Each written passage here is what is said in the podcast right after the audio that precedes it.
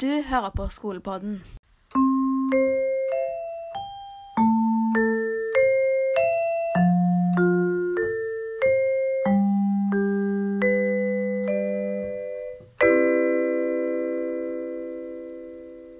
Hello, my name is Hanne, And my name is Anne. and welcome to our podcast. Today we are going to talk about literature in English.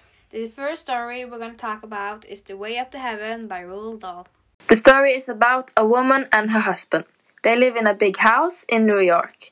The worst thing Mrs. Foster knows is to be late for a train, a plane, or a boat. She wants to meet her daughter, her only child, and her grandchildren in Paris. She stressed a lot to reach her plane, but the plane got cancelled as soon as she arrived at the airport. So she had to wait until the next day to get to Paris. The next day, when they were on their way to the airport, her husband forgot a gift to his daughter inside the house. He had to go back into the house to get the gift.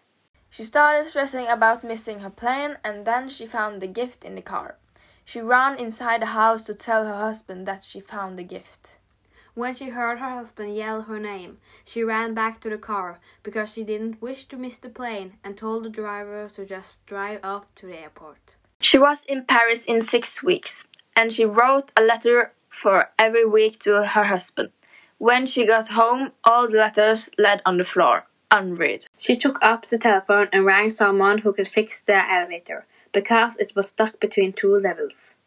Then she looked inside the elevator and there she saw it the sign of her dead husband. Hmm, that was an interesting ending. Yes, it was. To me, it seems like she noticed that her husband was stuck and needed help before she traveled her way to Paris. But she was afraid to miss the plane and didn't rescue her husband. Mrs. Foster has recently begun to suspect her husband of harassing her fear of missing a train or plane. Every time she had to reach something, he got late and didn't come out before it was too late. Some of the symbols in the text are, for example, Mrs. Foster's eye twitches, and it symbolizes that she is stressed and that she has a fear of being late. Mr. Foster's noticed this and therefore wanted to take advantage of that fear. The author is Roald Dahl, and he was a famous British author. He has written a lot of books, and most of the books he has written is for children. Some of his books are filmed and dramatized, and so is one of the most famous stories of his is Charlie and the Chocolate Factory, BFG and Matilda. He had five children and two spouses. The books he wrote were inspired by the people and things around him. Roald Dahl was born in 1916 and died in 1990 when he was 74 years old. His parents originally came from Norway, but they moved to Wales where Roald was later born. Sadly, his father and his big sister passed away when he was only four years old. He has also written books for adults. Some of the books he has written are Sometime Never and My Uncle Oswald.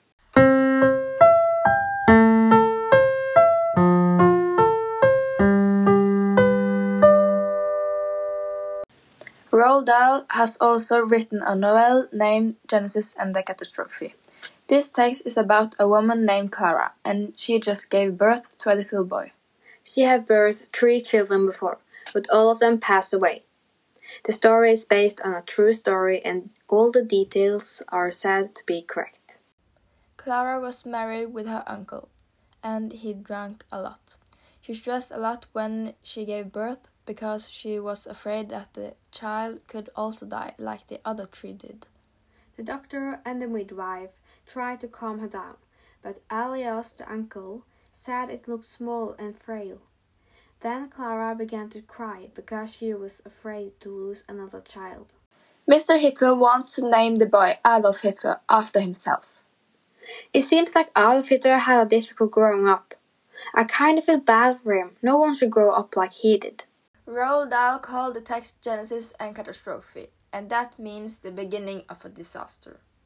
With that title, I think he wants to tell the reader that the beginning of Hitler's life may be one of the reasons why Hitler ended up making a world disaster.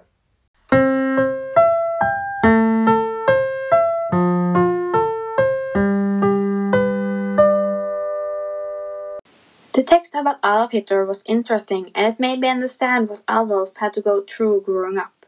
I liked the first text about the husband and the elevator most because it was interesting and I wonder what happens further and how the people who are coming to fix the elevator will respond. Yes, me too.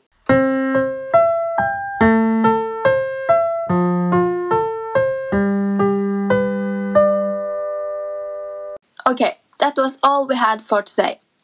Goodbye. The